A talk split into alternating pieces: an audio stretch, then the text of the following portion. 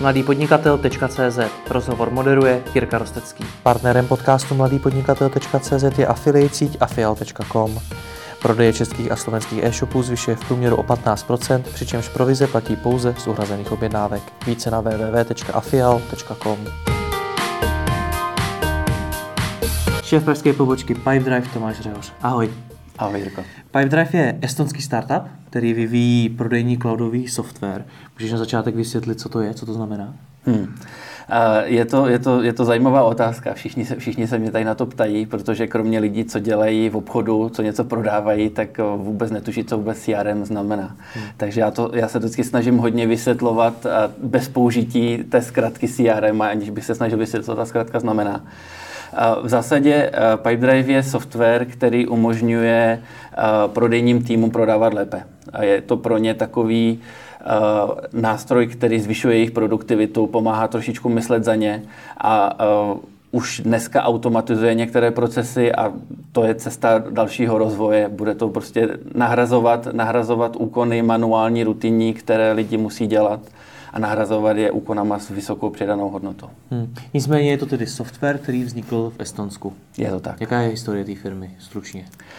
Velice stručně, v roce 2010 se sešlo pět spoluzakladatelů. Dva z nich byli, měli zkušenost s, ob, s prodejem, s obchodem, dokonce až i takové jako hodně hardcore, řekl bych, že prodávali nějaké knížky od domu domů v Americe. Mm-hmm. A oba dva, oba dva měli přes 10 let zkušeností a chyběl jim přesně takovýhle nástroj. Chyběl jim nástroj, který by byl zaměřený na ty konkrétní prodejce, který by jim zlepšoval život. A viděli, že na trhu existuje spousta CRM nástrojů, které jsou spíše zaměřené na management, na reporting, ale ti konkrétní prodejci spíš uh, tráví den nad, nějakou, nad nějakým blokem anebo Excelem a potom jednou týdně tam na, nalijou ty svoje data, ale vůbec jim to nějak nepomáhá v jejich každodenní rutině nebo každodenní práci. Takže se rozhodli, že, že takový nástroj vytvoří, vlastně tvořili ho pro sebe a velice rychle se to virálně začalo šířit. Piper je vlastně první prodejní tým teprve interně založil v roce 2015, do té doby se to, se to šířilo naprosto virálně, právě protože trefili tu správnou niku na tom trhu. Těm, těm obchodníkům se to, se to moc líbilo používat. Hmm. No a jak velký startup už to dneska je? Dneska je nás 500 celosvětově, a 500 zaměstnanců. Máme přes 85 tisíc firm, které nás používají ve více než 170 zemích, takže opravdu jako globální startup nemám, necílíme se na žádné konkrétní trhy, spíš to vyplynulo nějakým způsobem z naší zákaznické báze. Nejvíc, největší trh je samozřejmě Spojené státy, pak Brazílie, Velká Británie, Německo, Nizozemsko v tomhle tom pořadí. Česko je pro ně jak důležitý trh? Um, já jsem se díval, Česko je 33. Uh, hmm. takže je to takové, jako uh, ne, neděláme žádné cílené aktivity marketingové Ale z toho počtu. Na, na, český, na český trh. Dobře. Ty jsi s tomu dostal jak? Já jsem se k tomu dostal takovou odbočkou přes Skype. Skype je hodně důležitý, kdo trošičku zná estonské prostředí, tak asi tuší, že Skype byl takový první, rozhodně první unicorn no, jednorožec, první úspěšná, globálně úspěšná firma, která pocházela ze Estonska. A ta vybudovala spoustu ehm, v první řadě nějakým způsobem finančně zajištěných lidí, protože ten první exit uh, Skypeu uh, vygeneroval spoustu dolarových milionářů z těch, z těch původních uh, lidí, co tam, co tam u toho byli ale zároveň spoustu, zvedla sebevědomí celému, celé, celé té zemi, malé, malé zemi. Estonsko má 1,3 milionu obyvatel, takže hmm. něco jako Praha možná dneska. Hmm. Takže je to malá země a Skype byl vlastně zatím, zatím u, u toho zrodu dnešního úspěchu Estonska. A uh, já jsem, já jsem měl to štěstí, že v roce 2007 jsem byl u startu pražské pobočky Skypeu. Byl jsem první zaměstnanec uh, tady, tady v Praze. A od té doby jsem si tam našel spoustu, spoustu kamarádů, přátel a uh, i v dnešním pipe driveu je, je, můžu, můžu jmenovat možná 10-15 lidí uh, z, ze Skypeu, se kterými jsem úzce spolupracoval, se kterými se dobře známe. A v momentě, kdy jsem, uh, kdy jsem končil v mé předchozí práci, tak jsem si řekl, udělám poprvé to, co jsem nikdy neudělal, dám vědět na LinkedIn, že, že, hledám, že hledám něco nového. A chytil se toho náš současný CTO Sergej Anikin, který byl můj dobrý kamarád ve Skypeu a říkal, tak pojďme založit spolu pobočku v Praze. Mm-hmm. A takhle, takhle, takhle to vzniklo. A vlastně to je to ještě takové jako kouzelnější pro mě, protože on byl v té době na dovolené, když mi tohle to napsal a říkal, já budu na dovolené, ale za pět dní jsem zpátky, pojďme si, uh, pojďme si zavolat, až se vrátím. Tak uh, jsem říkal, fajn. A když jsme si zavolali, říkal, mám dobrou zprávu, už to mám povolené od boardu, můžeme otevřít pobočku v Praze. Takže to, to byl takový ten signál pro mě, to je, to je fakt startup, jako nebojí se dělat takhle, takhle rychlé rozhodnutí na základě uh, nějakých dobrých zkušeností z minula. Nicméně k tomu Estonsku samotnému tě nic neváže? To je A- náhoda, že prostě Estonsko? Je to, uh, je to náhoda, uh, je to náhoda a vlastně to souvisí jenom, jenom s tím Skypem. Um, a zároveň je to pro mě ale hodně blízká země. Já jsem tam hodně času strávil tím, že jsem byl tady dlouho jediný zaměstnanec, tak první, první rok jsem hodně cestoval do Estonska, tak jsem se do té země zamiloval. Uh, lidi jsou tam uh, jiní než tady, ale možná trošičku blíž, blížší mému srdci, jsou takový hodně pragmatičtí, uh, říkají věci na rovinu vždycky a uh, ze začátku jsem, to bylo až jako facka, vždycky, když mi něco řekl na rovinu, co se mi třeba nepovedlo, nebo co by on udělal jinak, tak to oni to takové jako říkají přímým způsobem. A, takže mi to přirostlo k srdci, ale jinak jako žádné, žádné jiné vazby tam nemám ze To jsem si myslel, že my Češi právě umíme říkat ty špatné věci přímým způsobem. Neumíme? Tak to, uh, umí, umíme, ale třeba oproti takovým Američanům, ale uh, když se někdy zajdeš do Estonska, tak uvidíš že ten větší rozdíl, že se to jde ještě, ještě upřímněji. Jo? No, no. Piš to nějaký situaci, která se ti stala třeba. Um, Ta první facka mě zajímá.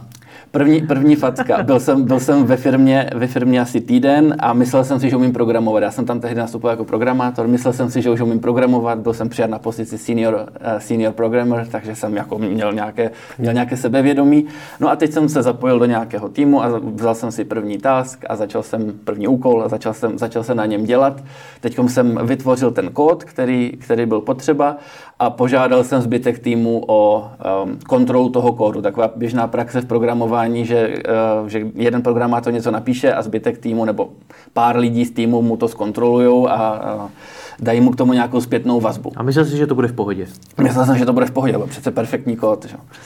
No a uh, tehdy, tehdy ještě nebyly nástroje na takové úrovni, jako jsou dneska, takže víceméně ten programátor, který se dostal k tomu, uh, k, tomu, k té kontrole toho kódu, ani nevěděl, kdo to napsal. Takže to nebylo, nebylo nic osobního, ale v podstatě napsal něco takového ve stylu pro boha, kdo tohle to napsal, tohle to přece nebude nikdy fungovat a budou tam tady takovéhle, takovéhle problémy u toho. Aha. Ale napsal to takovým jako opravdu explicitním způsobem. Myslím, že tam byly nějaké zprosté slova u toho. A já jsem si to samozřejmě okamžitě vzal osobně. Jo. I, když, I když to nebylo myšleno osobně, protože nevěděl, jako kdo to ani napsal, tak jsem si to okamžitě stáhl osobně a to byla taková ta první facka. A když jsme se o tom začali bavit, tak jsem zjistil, jako, že, že to jsou jako pragmatické poznámky, že má, že má pravdu, že jsem tam něco opominul. A potom jsem na tom hodně musel pracovat, jako vědomně si to uvědomovat, nebrat si tyhle ty věci osobně. Vždycky jako si říct, oni takový prostě jsou, musím, se, musím se na to zvyknout. A myslím si, musím říct, že mi to hodně pomohlo jako i obecně v životě, v osobním životě, ve všech situacích, nebrat si takovéhle věci osobně. Je tohleto častá slabina vás vývojářů, to, že si tu kritiku berete někdy až moc osobně? Um, nerad generalizuju, ale myslím, že se to dá říct, že, že to bývá nejčastější problém nějakých svárů uh, v vývojových týmech. Uh, každý, každý uh, má na, uh, nebo takhle, jeden problém se dá vyřešit deseti způsoby, možná, možná více. A um, těžko říct, který je ten správný. Ale když najdeš 10 vývojářů, tak každý bude tvrdit, že ten jeho způsob je ten, prázdný, je ten, je ten správný. Hmm. Takže je to spíš o tom vytvářet takové prostředí, že je to v pořádku mít jiný názor, ale vždycky se musí nakonec ten tým shodnout na, na nějakém kon, konečném řešení. Takže abych, abych jako se úplně nevybykl z tvojí otázky, myslím že, myslím, že to je, myslím, že to je častá situace, ale v dnešní době, kdy je důležitější a důležitý, víc, víc důležitá práce v týmu, tak uh, už proto není prostor. Už prostě hmm. takový, takový vývojář, který si bude trvat na tom, ale musí to být podle mě a jinak to nebude, tak už v tom týmu nemá prostor a často končí potom uh, třeba jako freelancer, který, který v tom týmu pracovat nemusí. Hmm. Co si mám ale představit pod tím vytvářet takové prostředí, kde tohle to půjde? A já se na to ptám jako člověka, který byl při vzniku té české pobočky, která je složená primárně z vývojářů, mm-hmm. nebo jenom z vývojářů dokonce. Jenom z vývojářů. A je vás 20? Uh, teď nás je 15, pět dalších nastoupí v během dvou měsíců, jak jsou ty výpovědní výpovědní doby. A ty tomu vlastně šéfuješ. Ano. To znamená, že za tvorbu toho prostředí jsi ty v podstatě zodpovědný. Tak, tak. Tak jak to prostředí, ve kterém si tu kritiku můžete dávat a je to v pořádku vytváříš? Uh, tohle to se musí, musí nějakým způsobem odfiltrovat během pohovoru. Mm-hmm. Takže uh, já třeba uh, to, svoje, to svoje kolo pohovoru se vůbec nesoustředím na technické schopnosti toho člověka. Samozřejmě něco, něco vyplyne z toho, co, co nám o sobě poví, něco vyplyne z životopisu, takže to je důležité. Nicméně já se soustředím přesně na tyhle ty aspekty. Já se jich ptám přesně na takovéhle otázky. Představ si, že, jsem, že jsem programátor, který něco napíše, ty s tím nesouhlasíš Zkus si vzpomenout na nějaké situace z minula, které, eh, které nastaly, jak si je řešil, jak bys to řešil takhle. Um, většinou, většinou to poměrně rychle vyplyne, jestli, jak, jak, jak flexibilní je, je, je ten člověk uh, přijímat názory ostatních. A ono už to, dneska opravdu, že to spíš standard, uh, že se dělají ty, um, no se mu říká code reviews, česky, ani nevím vlastně, kontrola jak to kódu nebo kontrola kódu. No. Dneska, dneska už je takový standard, eh, že jakmile prostě je tým o více než dvou lidech, tak už tyhle ty code reviews probíhají hmm. a uh, už jsou na to většinou lidi zvyklí. Ale pořád jako se tam, se tam dají vypozorovat, uh, vypozorovat určité charakterové rysy, které pro mě jsou takové uh, signály, že tenhle seček může být komplikovaný a potom třeba buď, buď si řekneme uh, s rekruterkou rovnou, že, že ne, anebo když je to takové slabé signály, tak třeba řeknu klukům, kteří potom dělají ten technický pohovor, tak řeknu, soustředěte se na to, zkuste vypichovat um, některé věci uh, v kódu, co napíše ten kandidát, jak byste je třeba udělali jinak hmm. a, a sledujte jeho reakci. Jestli, jestli se začne bránit, nebo jestli začne jako v, přijímat to vaše řešení, nebo otevřeně o něm diskutovat. Uh, tohle to jsou věci, které uh, se dají, dají poměrně snadno uh, odhalit obzvlášť takové ty jako hodně uh, extrémní případy lidí, prostě, kteří nejsou schopni přijmout názor ostatních. Hmm. Tak jaké signály jsou tu nejčastěji, u kterých ti svítí červená? Um, uh, no, um, to, to, možná, možná začnu první, prvním signálem, je to taková moje úplně oblíbená otázka, na kterou se ptám, uh, jaké jsou třeba kritéria toho člověka uh, při, výběru, při výběru zaměstnání. On, když nám už přijde na pohovor, tak je jasné, že je připraven eh, pro nějakou změnu, tak já se ptám, jaké jsou kritéria, jeho osobní kritéria, podle čeho se bude rozhodovat, uh, kam třeba nakonec nastoupí. Hmm. Tak už, už tenhle z té otázky toho jde relativně hodně poznat. Um, pro mě správná odpověď je, uh, chci, chci produkt, který mě bude bavit. A to je, to je takové, jakoby, to si myslím, že by mělo být na prvním místě. No, to je moje osobní, osobní hodnota, uh, podle čeho já si třeba vybírám práci. Je to něco, co mě musí bavit. Uh, je tam tým, uh, který, uh, který mě bude bavit, kde se můžu něco naučit, kde já můžu naučit něco někoho jiného. Um, je, to, uh, je to něco, um, co, uh, když někdo nezmíní, tak, eh, tak, se, tak se automaticky hned ptám dalšíma otázkama. A jak, jak, eh, v jakých týmech jste pracovali předtím? Jaké, jaké typy lidí vám v týmu vyhovují? Jaké typy lidí vám nevyhovují? Můžete dát příklad, příklady, nebo my si teda většinou týkáme, tak můžeš si dát příklady, můžeš mi dát příklady situací, které, které fungovaly, nefungovaly a z toho, z toho hodně vyplynuje, vyplyne. Ty, ty věci, co oni vypíchnou, když se zamyslí na tu svoji celou historii a ty věci, které vypíchnou, tak to mi řekne hodně o tom, jaký ten člověk je jako týmový hráč. Hmm. Ně, s některýma z těma situacemi já se dokážu stotožnit a řeknu, jo, to by mi taky vadilo, ale když najednou zjistím, že bych byl na straně, na té protistraně, jako když bych řekl, a to, to, to bych s tebou nesouhlasil, to, mi, to mi přijde jako, že uh, není, není tak, jak bych to řešil já. Tak to, to, už jsou, to už jsou ty signály pro mě, které si píšu poznámečky a, a snažím se potom do toho šťourat, šťourat ještě víc. Chci přesnější příklady a už, už někdy to ty kandidáty viditelně nebaví, ale pro mě tohle je hodně důležité, protože na za, všechny, všechny ty, tyhle ty drobnosti charakterové, dejme tomu, se potom budou třeba ve stresových situacích násobit. Hmm. takže uh, chci chci si být jistý. Hmm. Co nějaká sebereflexe? Zjišťuješ jak na tom ten člověk je? Uh, to, byla, to byla hodně zajímavá otázka. Uh, dokud jsem spolupracoval s rekruterkou z Estonska, tak to byla její oblíbená otázka. Se nejdříve se ptala, uh, které, co, co se na tobě líbí ostatním lidem. A v tvém týmu. A potom se ptala taky, a pro, co jsou, co jsou za charakterové rysy, které můžou ostatní vadit na tobě. A já jsem ze začátku, ne, začátku mi to naprosto nesedělo na ty pohovory. Úplně poprvé, co jsem slyšel, že někdo na pohovoru s programátorem se ptá na takovouhle otázku. Hmm. A je, zase je to úplně úžasné, úžas, úžasné takové, takové uh, hodnotící kritérium, protože ti vývojáři, o které my máme zájem, tak mají přesně schopnost sebereflexe. A uh, ti jsou na tu otázku schopni odpovědět. A potom vidíš ty vývojáře, kteří vůbec se nad tím ani nezamysleli nikdy. A pak jsou tak, a nakonec třeba někteří něco vypotí, ale někteří řeknou, já vůbec ne, nejsem schopný na to od nic odpovědět. Což tak, o něčem vypovídá. Což, což o něčem vypovídá. Takže od té doby se na tu otázku taky ptáme a je to, je to, je to důležité kritérium. Tak co může nejvíc vadit lidem na tobě? Co může nejvíc eh, lidem vadit na mě? Myslím si, že to můžou být jako mm, dlouhé odpovědi a, a třeba utíkání, utíkání od tématu. Já, já rád, kdy, jakmile se rozpovídám, tak jak rád povídám. A e, někdy pro mě může být uh, složité uh, udržet, udržet tu linii. Hmm. Takže to si myslím, že, uh, že je, je jedna z věcí. A druhá věc je, já jsem takový nadšený do všeho. Já se hodně rychle pro něco natchnu a, a potom už mám problém u toho vydržet. Když, když, když jako to počáteční nadšení oprch, opadá a já už nevidím tu hodnotu v tom, co dělám, tak od toho zase rychle uteču a to může některým lidem vadit, že můžou to brát jako, že často měním názory a měním, měním směr. Takže hmm. uh, to jsou, to jsou asi dvě takové základní věci, o kterých, o kterých vím. Um, které, které, na mě, které na mě můžou lidem vadit. Hmm. Kolik těm eh, vývojářům je let?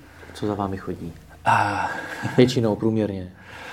Uh, je, hodně, je, je, tam, je tam poměrně velký rozptyl. Nejmladšího vývojáře, kterého, který nastoupil, tomu je 21. A nejstarší, nejstarší jsem já, to mě, mě, mě 39. Ale měl jsem, měl jsem tam člověka na pohovoru, kterému bylo, myslím, že ono, on si to nepí, nepíše v, v, v životopise, takže jsem to mohl odhadovat tak něco mezi 45 a 50. A, no to už je starý člověk na vývojáře, jo? Není, a, není. Myslím si, myslím si že, a, že, že vývojář může být, může být schopný v takovémhle věku naopak, a, a, naopak může to hodně přinést do toho týmu. A, u tohohle člověka to nevyšlo přesně z těch jakoby kultur, kulturních důvodů, nebo ten, ten fit tam, tam, tam nebyl takový. A ten to na sebe otevřeně přiznal přesně na tu sebereflexní otázku, co na tobě může někomu vadit, tak on řekl, no může na mě někomu vadit moje tvrdohlavost a to, jak, jak, jak tvrdě si obhajuju své vlastní názory tak to jsem, takhle jsem už několik lidí naštval hodně. Tak to, to pro mě byl ten jasný signál, že, že, že tohle by nefungovalo. Hmm. No nicméně většinou těm lidem asi bude někde mezi teda těma 21, 30, 35, předpokládám. Tak, většina mezi 21 30. Co u takového člověka vývojáře znamená kvalitní CV, kvalitní životopis pro tebe? Hmm.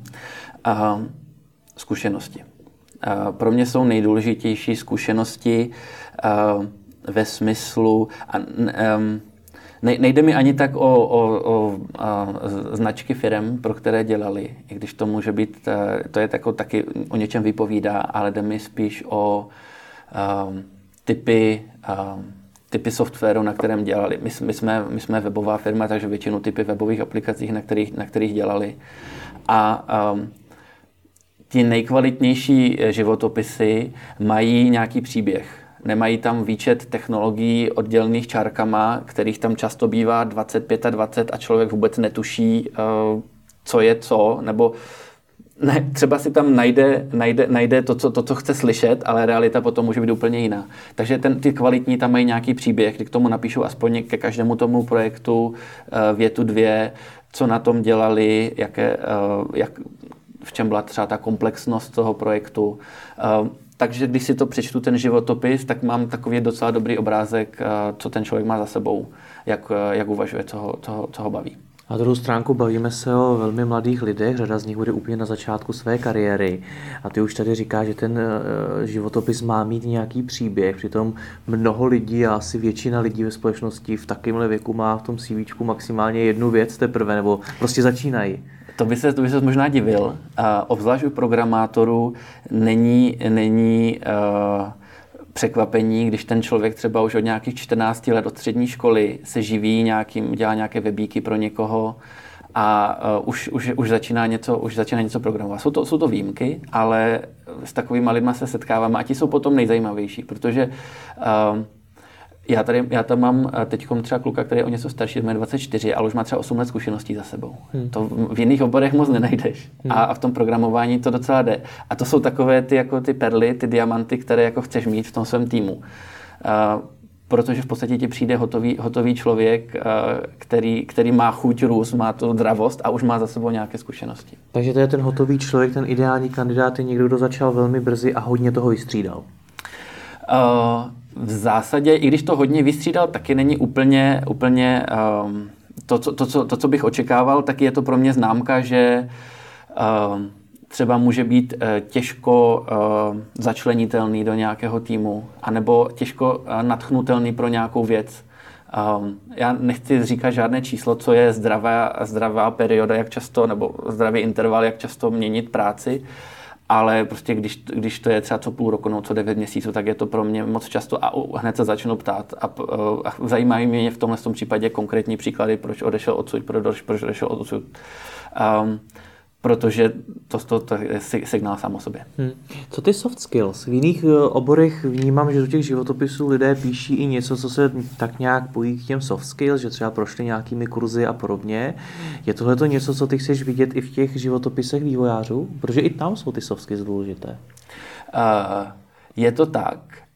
Zajímá mě to, ale snažím se uvědomit, jestli vůbec někdo tam něco takového psal. Ehm, většinou ty to, soft skills moje skončí, otázka, ano. Většinou ty soft skills skončí u toho, mám rád filmy a hraju, hraju hry a tak jako to, to, to je jako by ta nejsoftovější část tohohle, tohohle životopisu. Hmm. Ale my se na to pak zaměříme během toho pohovoru, takže problém to není. A je právě tohle to něco, co by si doporučil těm vývojářům? Zaměřit se i víc na své soft skills? Určitě. Myslím, že to je něco, co mu jim pomůže uh, se vyzdvihnout z, toho, z, té, z té hromady životopisů, co, co třeba ten rekruter může mít. Hmm. My se tady bavíme o tom, podle čeho všeho ty vybíráš a co jsou pro tebe ty varovní signály. Nicméně máš ve výsledku na výběr v situaci na trhu práce, kdy těch vývojářů není tolik a pravděpodobně ani vám se tam prostě nehrnou davy nadšených vývojářů, hmm. tak máš vůbec na výběr? Uh, ku podivu mám. Uh, už stalo, i úplně za začátku jsem, jsem odmítal lidi, kteří se mi nezdáli. A, takže i od začátku jsem uh, odmítal.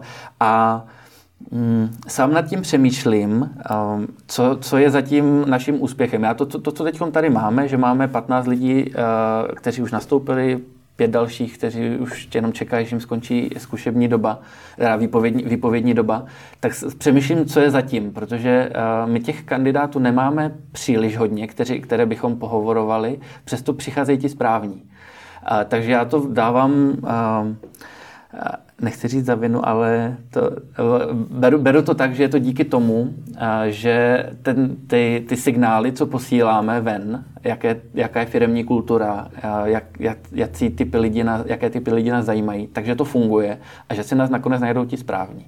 Takže když, když, když, když mám kandidáta, který, který, o kterém nejsem přesvědčený, tak, tak nemám problém ho odmítnout. Dokonce jsme teď nedávno se nakonec rozhodli, že nepři, nedáme nabídku kandidátovi, který prošel úplně všemi koly pohovoru. Už, už jsme ji skoro posílali, ale pořád jsme nebyli stoprocentně jistě, nakonec jsme se řekli, že ne.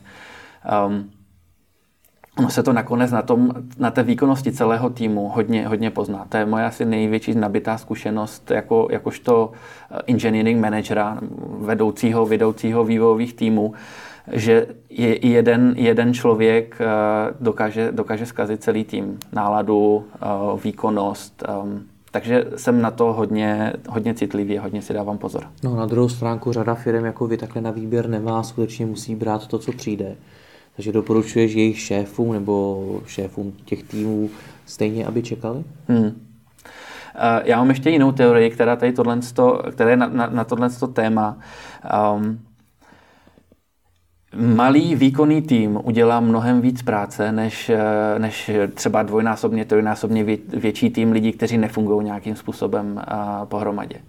Ehm, a to souvisí i hodně ehm, s tím, jakým, jakým způsobem je nastavený, nastavený ten vývoj. Já si myslím, že je lepší eh, si počkat na ty správné lidi, najmout pár klíčových lidí, kteří, kteří mi třeba pomůžou do toho začátku, kteří to nějakým způsobem nastartujou a okolo nich potom stavět ten zbytek, ale tak jako citlivě. Prostě opravdu si dávat záležet na tom, koho, o, ko, o koho ten, eh, ten tým rozšíříš. A to jde trošičku... Um, ta, tam, ta moje teorie je o tom, jak, jak uh, různá média tady dávají uh, obrovská čísla o tom, kolik IT odborníků trví, chybí na trhu. A já už se nepamatuju, vždycky to jsou desetitisíce. Prostě desetitisíce odborníků chybí na trhu. Já si, ono to je nejspíš, nejspíš pravda. Ty firmy, kdyby mohly, tak je najmou. Kdyby tady ti lidi byli na tom trhu, tak je najmou. Ale já si myslím, že ta správná odpověď na tenhle ten problém je optimalizace. Děláme všechno správně, využíváme ty lidi, co máme správně. A um, Jednak, eh, co se týče jakoby biznisového pohledu, pracují na těch správných věcech, které tu naši firmu posunou, posunou tím správným směrem. A, a druhá věc je, pracují ti lidi nejoptimálněji, jak můžou. Um, když se uh, práce vývojáře je hodně specifická. Je, to, je, to, je specifická v tom, že dnešní, dnešní softwary jsou obrovsky komplexní. Jsou mnohem, mnohem komplexnější, než když já jsem začínal před 20 lety. Tak to byly, to byly jednoduché webové stránky, jednoduché formuláře. Dneska jsou to komplexní aplikace propojen, jsou, jsou to webové aplikace, mobilní aplikace, ty weby musí být responsivní, teď obrovská množství webových služeb. Je, toho, je, toho, je to mnohem, mnohem komplexnější. Ty nároky na jednotlivý vývojáře jsou mnohem komplexnější, než byly. A ten člověk, aby něco vytvořil, tak potřebuje mít veš, musí mít klid a musí dostat do toho svého mozku, do té operační paměti toho mozku, veškerý kontext všeho toho, s čím pracuje, aby mohl napsat ten efektivní kód. A na to potřebuje opravdu ten klid, nikdo na, na něj nesmí mluvit a musí se dostat do toho svého flow. Flow je dneska populární termín, používají ho sportovci, umělci, všichni. Pro, programátor se potřebuje dostat úplně stejného flow. Najednou mu tam se ty spoje začnou, začnou rozsvěcovat v té hlavě a do, dokáže napsat, když, když je v tom svém flow, dokáže napsat neskutečně efektivně, rychle, uh, kvalitní kód, který bude dělat přesně to, co to má dělat. Ale potom někdo přijde, poklepe mu na rameno a řekne, hele, prosím tě, máme tam nějaký bug, boh by se na to podívat. A teď najednou buf, všechno, všechno, všechno z té hlavy zmizí. On se začne soustředit na něco jiného a než se zpátky dostane do toho flow, to může být podle komplexnosti 10 minut, ale může to být klidně půl hodina, hodina. Já opravdu uh, mluvím z vlastní zkušenosti, je to, je to, je to, je to, náročná, je to náročná věc. No a to je třeba něco, co eh, je, co je krásně vyřešeno v Pipedrive a je, byl to jeden z důvodů, proč, eh, proč jsem nakonec řekl, jo, tohle co to teď chci dělat. To, na co si chci vyzkoušet, tenhle, tenhle ten způsob vývoje. My jsme rozdělili takové ty běžné administrativní tásky, co se týkají vlastně údržby toho, toho současného systému od vývoje nových věcí. My těm novým, novým projektům říkáme mise, a všichni vývojáři, co pracují na misi, tak jsou určitým způsobem oddělení od zbytku. Pokud to uh, možnosti v kanceláři umožňují, tak sedí v samostatné místnosti a v podstatě pracují jenom na tom. A když, Jednotlivě nebo v těch týmech? V těch týmech. Mm-hmm. V těch týmech. A, a když, když přijdou nějaké problémy se současnou aplikací, chyby v produkci nebo nějaké incidenty, anebo obecně takové menší, menší, menší, menší drobnosti, které jsou vždycky potřeba udělat, tak ty se dělají v, v rámci jiného týmu. Tomu týmu říkáme Launchpad, jako základna, něco, hmm. ně, něco takového.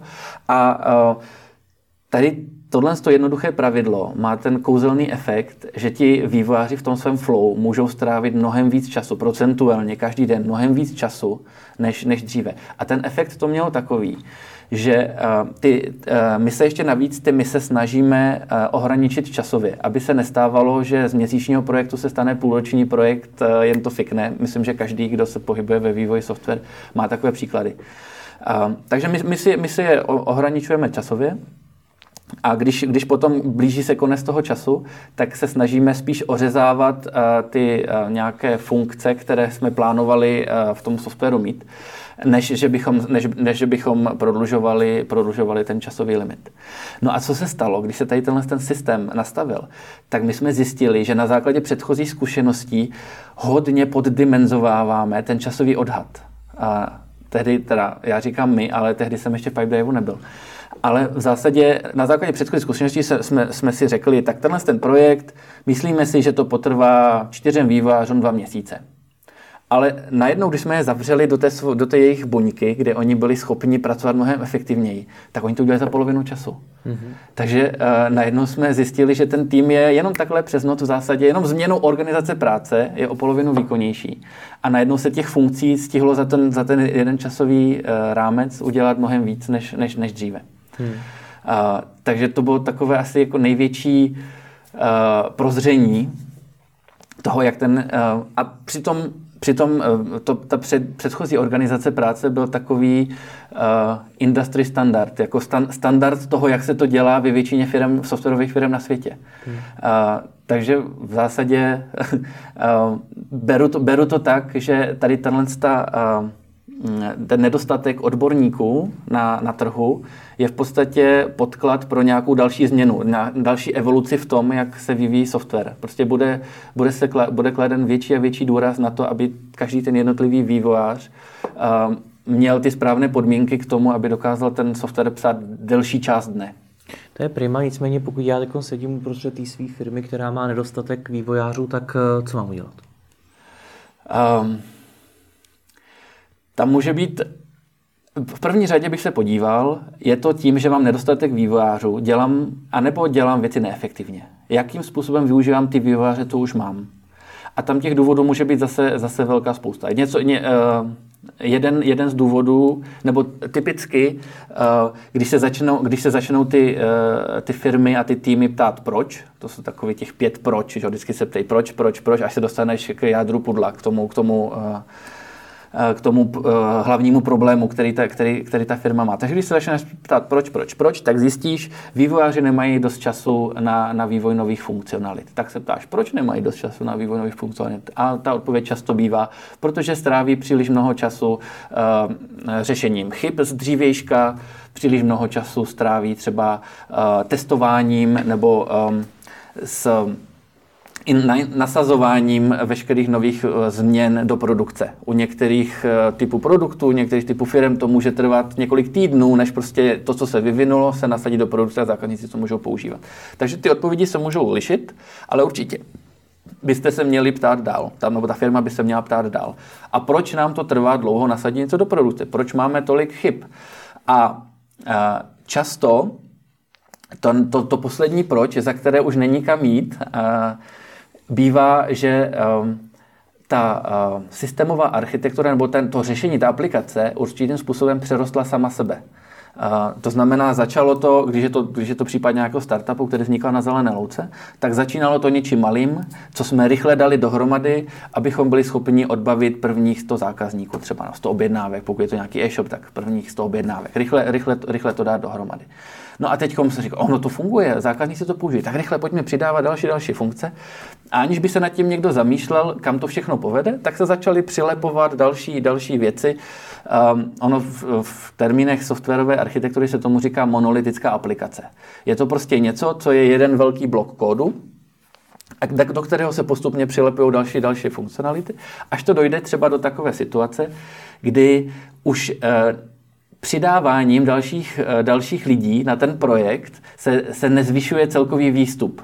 Hmm. Prostě už je to tak složité, že, že ti lidi si tam navzájem překážejí v tom kódu a uh, ten, ten, ten výsledek není dál. Že třeba, pak třeba ten majitel firmy vidí náklady na IT, IT tým stoupají, ale já nevidím, že by, že by dodávali víc. To bývá typicky uh, začátek takových těch otázek, proč proč, proč, se to, proč se to neděje. Mně se líbilo, ty jsi tady měl um, odborníka na logistiku. Hmm. Snažil jsem se to dohledat, bohužel jsem nenašel jméno, kdo to byl. A ten jsem jich několik, Patrik ten, Babinec třeba, um, uh, ne, se na jméno, ale ten zmiňoval něco hodně podobného, že v logistice od určité od určité chvíle nepomůže přidávat další lidi, ale musí změnit ten proces. Hmm. Že přidáváním dalších lidí se ti nezvyšuje celková um, schopnost uh, vlastně obrátky toho zboží skrz, uh, skrz ten celý systém.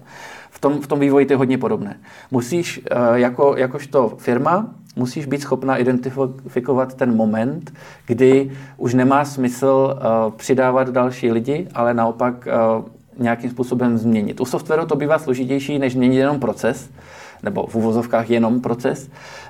Tam bývá často nutná změna celé architektury toho systému, kdy se musí ten jeden monolitický kód rozřezat na menší části, které už potom můžeš dát jednotlivým lidem nebo jednotlivým týmům a to bývá typicky ten moment, kdy produktivita zase skokově, skokově vyroste nahoru. Ale je důležité si ten moment uvědomit a udělat to rozhodnutí, které nebývá populární. A ten moment poznám podle toho, že mi furt rostou náklady, ale už se nezlepšuje ta efektivita. Ano, to je, to je, to je jeden ze spolehlivých indikátorů, hmm. že, že, že je něco špatně. I když ta efektivita se taky špatně měří. Hmm. A, a, to bývá, to bývá často, to bývá jedno z řešení, jedno ze špatných řešení tady z těch problémů, u lidí, kteří tomu nerozumí, ale, ale uh, mají pocit, že je něco špatně, tak se snaží jako jít direktivně a začnou říkat, tak pojďme to měřit. Uh, a jak na, na základě mých 20 let zkušeností já, já nevím, jak měřit výkonnost, jak objektivně měřit výkonnost uh, vývojových týmů anebo jednotlivých vývojářů. Jsou nějaké metriky, které se dají použít, ale skoro všechny jsou kontraproduktivní. A jak poznáš, že si nepracují pomalu? Uh, Tohle to se musí řešit na úrovni jakoby celé firmy a výstupu toho, toho vývojového týmu. Že? Cílem vývoje by mělo být, že posunou celý ten biznis řádově někam dál. Vlastně automatizují, typicky software automatizuje uh, věci, které do té doby lidi dělali ručně. Um, proto jsou třeba dneska vývojáři tak drazí, protože ta cena té automatizace pro ten trh je, má takovou hodnotu. Hmm. Protože dobrý vývář by měl být schopen tu svoji, tu svoji, ten měsíční plat z desetinásobit na, na, na hodnotě, kterou přinese té firmě. Takže v podstatě ta firma by měla být schopna měřit um, biznisový dopad těch jednotlivých týmů. To je jediná věc, která se dá měřit, hmm. protože to jsou čísla, jsou to peníze. Dneska se používají OKRs, by oblíbená, oblíbená metodika, takže podle mě by každý, každý vývojový tým měl mít vlastní OKRs, navázaná na celkové OKRs. To je, to, je, to je ta krása těch OKRs, proto se hodně používají, že se dají, že se dají hierarchicky dědit a zjemňovat až na, až na jednotlivé týmy, eh, většinou i na, nebo často i na jednotlivé, i na jednotlivé zaměstnance, nejenom, nejenom na týmy. A tohle, tohle je to, co je měřitelné. Když se dobře nastaví OKRs, tak ten, tak ten tým by měl k ním přispívat, měl by, měl, měl by mít za sebou nějaký pozitivní biznisový výsledek. Hmm. Ty jsi zmiňoval to, ten stav flow. Jak dlouho v něm v rámci jednoho dne ten vývojář může být? Nebo nemusí to být nutně v tom flow, ale prostě kolik hodin denně ten vývojář dokáže skutečně pracovat podle té zkušenosti? Na základě mojí osobní zkušenosti hodně dlouho. A na základě mojí osobní zkušenosti, eh, když jsem byl mladší, tak jsem, tak jsem byl schopný eh, eh, Třeba v jednom, jeden, jeden, jeden, jeden úsek je tak jako hodně omezený fyziologicky. Tak třeba nějaké tři, tři, čtyři hodinky max bych viděl, než člověk začne pocitovat nějaké fyzické potřeby. Ale potom, když si člověk odskočí, napije se eh, nebo se něčeho nají a vrátí se k tomu a během toho nebyl přerušen a dokáže pokračovat v tom, kde byl, bez problému jsem fungoval 24 hodin v kuse, takhle řešil jsem nějaké komplexní, komplexní problémy. Počkej, takhle to ale v Paydraž nemáte, ne? Ne, ne, ne, to vůbec ne. To, to, bylo, to, jsem, to jsem byl ještě mladý a krásný, když jsem tohohle byl schopný. tak ta, řekněme, normálnější realita je jaká? Uh, normální, normálnější realita uh, je... No, Ideál, ideální stav je uh, třeba 3-4 hodiny dopoledne, pak jdeš na nějaký oběd, pak nějaké třeba 2-3 hodinky odpoledne, zahraješ si, uh, ta nám je zrovna teda Nintendo Switch v tuhle chvíli, tak si zahraješ, zahraješ Mario Kart a pak ještě něco uděláš, než půjdeš domů a, a, a jdeš domů. Takový jako je ide, ideální stav a myslím si, že uh, nebo doufám, že u, u, u těch lidí, kteří pracují na misi, kteří by neměli mít teoreticky žádné distrakce, to takhle může fungovat. Samozřejmě tam máme do toho občas nějaké schůzky. To je třeba uh, taky jako hodně důležitý indikátor, kolik času vaši programátoři stráví na schůzkách. Protože na schůzkách nevytvoří vůbec nic, nenapíšou ani řádku kódu. Tak to je jedna z metrik, na kterou je dobré se podívat. Takže vývojář se mm, vyplácí pouze tehdy, kdy vytváří kód? Um, Neplatí to stoprocentně. Jako v zásadě ano. Když to, když to, když to uh, vezmeš úplně dogmaticky, tak jenom ten napsaný kód má nějakou přidanou hodnotu. Dokud to je jenom myšlenka v hlavě, tak to, tak to žádnou přidanou hodnotu nemá. Takže Ale vymyšlení tý, a vymyšlení té eh, myšlenky má přece taky nějakou hodnotu. Přesně tak, to, to určitě má. Ono se, ono se říká, že uh, 90% času, uh, když, i když je v tom flow, tak ten vývojář přemýšlí a třeba čte, uh, čte kód někoho jiného, ten, nebo čte ten kód, co je v té aplikaci, eh, čte si nějakou dokumentaci a jenom 10% času uh, píše ten kód. Jako, hmm. takže, ale, ale je důležité, jakým způsobem je těch 90% času využito. Jestli on by se zabývá řešením toho problému, anebo jestli se po něm třeba chce uh, časový odhad, jak dlouho mu to bude trvat. To je, to je zrovna, uh, to je zrovna um, disciplína, ve které jsou vyváři notoricky špatní. A prakticky kterýkoliv člověk eh, je špatný v odhadování budoucnosti. A, a, a přitom je to něco, co po nich hodně často chceme. Chceme vědět, jak dlouho jim to potrvá. A eh, to, to bývá často námětem těch jednotlivých schůzek, že se řeší nějaké plánování na tři roky, eh, teda na tři roky, na tři měsíce, na půl roku dopředu a k tomu ještě navíc se odhaduje, tak za ty tři měsíce bychom chtěli zvládnout tohle a co myslíte kluci, zvládneme ještě i tohle? Oni říkají, jasně, proč ne? A nebo to v lepším případě, v horším případě, když už mají tu zkušenost, že řekli, jasně to zvládneme, ale potom za něma někdo přišel s tím bičem a řekl, jak to, že jste to nestihli, tak ty tady budete sedět do noci, abyste to teda všechno, co jste slíbili, stihli. Že? Takže oni potom budou mnohem obezřetnější v tom, co slíbí a budou se snažit jít do toho technokraticky a to jsou ty různé, um, třeba Scrum je v tomhle tom hodně oblíbený a já nechci říkat nic proti Scrumu, my ho, používám, my ho používáme taky, ale často bývá hodně zneužíván v tom, že se snaží dogmaticky odhadnout budoucnost na tři měsíce, šest měsíců dopředu. Scrum je hodně efektivní, nebo základ Scrumu je, je vlastně v tom, původně, původně, s tím přišla, původně s tím přišla japonská Toyota, úplně nesoftwarová, nesoftwarová oblast k organizaci stavění aut v, v továrně. A teď dneska se, to, dneska se to používá ve vývoji softwaru uh, právě k tomu, aby se dokázalo mm, naplánovat aspoň nějaký kratší úsek času. Hmm. Takže se často používá týden nebo dva týdny, ve, Scrumu se tomu říká sprint. A uh, během uh, a snaží se ten, ten vývojový tým aspoň uh, odhadnout, co, co za ty dva týdny jsou schopni dodat.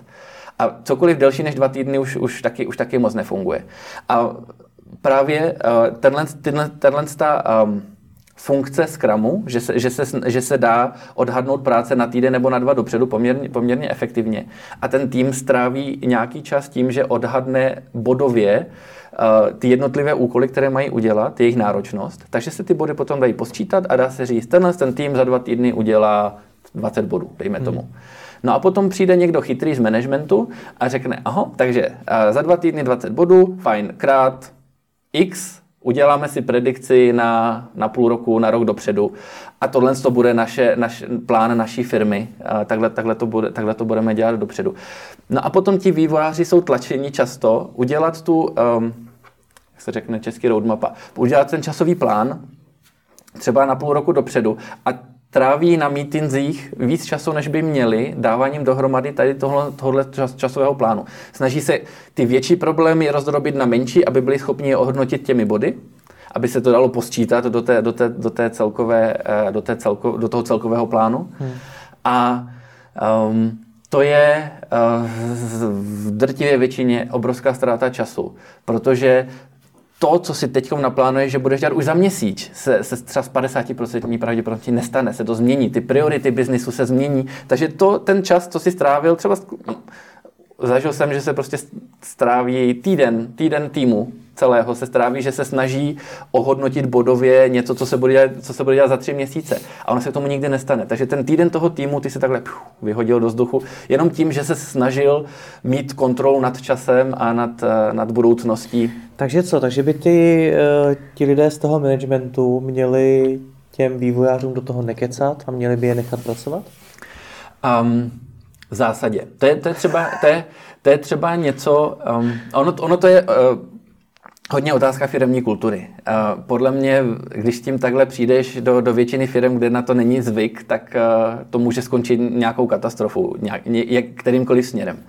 Ale když je na to ta firma nastavená celkově, na takovou tu uh, bazální důvěru, v první řadě tomu člověku věřím, dokud mi nepřesvědčí o opaku, a, tak tohle to funguje přirozeně. To je třeba případ Pipedriveu, je to, mě, mě, to, mě to úplně neskutečně nabíjí každý den. A, já se nemusím, a, já, my, my třeba řešíme na, na pravidelných engineering meetingsích e, řešíme, co budeme dělat tenhle ten týden. Moc jako neohlížíme zpátky, co se, co se událo, ale řešíme, co budeme řešit tenhle ten týden, jak mi s tím kdo může pomoct. To je úplně takový jako jeden konkrétní příklad toho, Eh, kdy se eh, neřeší to, co se řeší ve spoustě firm, které jsem, které jsem zažil, kdy se naopak řeší retrospektivně, co kdo udělal a musí se obhajovat, proč toho třeba neudělal víc nebo proč neudělal tamhle to. Takže se spíš řeší jakoby eh, ta budoucnost. To je jeden, jeden, jeden příklad. Druhý příklad je, že um, my třeba uh, nemáme, uh, nemáme nikoho, kdo by lidem říkal, co mají dělat ve vývoji. Každý, každý má představu o tom, co se od něj očekává. Když je to vývojář, tak se od něj očekává, že, se, že, bude, že bude psát kód. A potom máme, potom každý ví, na základě těch, těch nějakých týmových OKRs, co je cílem celého týmu. Takže má nějaký jakoby rámcový obrázek, takže ví, ví, za tím jde, je to něco, s tím souhlasí. Hmm. A Potom, když se to rozdrobí na jednotlivé týdny, tak eh, máme seznam nějakých funkcionalit, které bychom chtěli dodat a ti vývoři se, se sami rozebírají. Takže já nemám nikoho, kdo, komu ráno musím říkat, tak ty budeš dělat tohle, ty budeš dělat tohle a ty děláš tamhle to, proč to ještě nemáš hotové. Ale je to, je to přesně naopak. Máme tam nějaký um, seznam úkolů, které se, které se mají dělat a když ten vývojář dokončí ten svůj, tak si vezme ten další a začne na něm pracovat. Hmm. A nikdo nekontroluje, jestli, jestli se fláká nebo nefláká beru to tak, že um, ta, ta, ta motivace a, a výkonnost jednotlivých lidí je na nějaké křivce. Prostě nikdo nedělá na 100% svojí výkonností každý den pořád. Jsou do toho různé, různé efekty, počasí, rodinné problémy a tak. Snažím se to sledovat dlouhodobě ale neřeším to na každodenní bázi. Nepočítám, kdo kolik napsal řádku kódu, kdo kolik uzavřel eh, tásku. Beru to tak, že každý jede za tím společným cílem. Hodně oslavujeme úspěchy týmové. Prostě vždycky, když se něco povede, tak to oslavíme. Prostě to je, to je pro mě taková ta motivace pro ten tým. Oslavovat ty pozitivní věci. A důvěřovat těm lidem, že prostě dělají, co můžou, aby, abychom jako dosáhli těch svých cílů. A třeba tady v Praze se nám to obrovský, obrovský daří. To, že máme 15 lidí v tuhle chvíli je, je jedna věc, ale druhá mnohem důležitější věc je, že příští týden budeme spouštět eh, betu našeho prvního čistě pražského produktu a za měsíc na to bude, bude, bude, produkční, bude produkční spuštění. To je pro mě mnohem důležitější, než kolik lidí mám, ale vlastně co jsme tady vytvořili. Vždycky se dívá dívat jako na tu biznisovou hodnotu, co, co, co vlastně přidáme. A tady u nás v Praze to je hodně jednoduché spočítat biznisovou hodnotu, protože se vezme v účetnictví úplně všechno, co tady spálíme a pro, proti tomu se postaví, co díky tomu naše firma vydělá. A hmm. tím, že my pracujeme na úplně novém produktu, tak se to dá chce spočítat. Ty z toho zmínil strašně moc a přidal si strašně moc zajímavých typů z praxe. Pojďme to na závěr shrnout. Pokud mám dneska firmu a chci aby za mnou ti vývojáři chodili, abych neměl tu velkou nouzi, abych věděl, za ký, na koho se obrátit a abych nemusel furt hledat, hledat, hledat. A byl jsem na tom podobně jako vy. Tak eh, co mám všechno udělat? Jak mám přemýšlet, aby se tohle stalo? Hmm. Já myslím, že úplně nejlepší základ je začít se ptát proč. Pokud, mám, pokud vidím nějaké problémy, tak se začít ptát, ptát, proč mám tyhle ty problémy. A, nepřestávat se ptát, dokud nenajdu jakoby opravdu ten zásadní problém, který to všechno způsobuje. A nebát se těch nepříjemných zpráv. Ono z největší pravděpodobností ten, ten zásadní problém bude hodně nepříjemná zpráva, minimálně z pohledu nějaké nápravy. Kdyby to bylo něco jednoduchého na vyřešení, tak už se to nejspíš vyřeší. Nejspíš to bude něco opravdu typu máme už tak velký kus kódu, že, že ti vývojáři nejsou schopni na tom efektivně pracovat. Musíme udělat radikální rozhodnutí, rozříznout třeba architekturu na menší služby. To je něco, do čeho se musí, pro co se musí ten biznis rozhodnout a investovat peníze, protože logicky ti vývojáři uh, je, je to taková investice uh, času vývojářů prostě do lepší budoucnosti. Takže nebát se těch špatných, roz, ne, špatných, ale nepopulárních, těžkých rozhodnutí. To, tohle to, uh, bych viděl jako úplně nejdůležitější radu. Prostě nezavírat předtím oči, když se mi to nelíbí, tak uh, přesto, přesto, přesto, přesto to udělat, vymyslet, vymyslet, jak by se to dalo udělat. Tak jo, tak ti moc děkuji za rozhovor, ať ti daří. Díky za pozvání.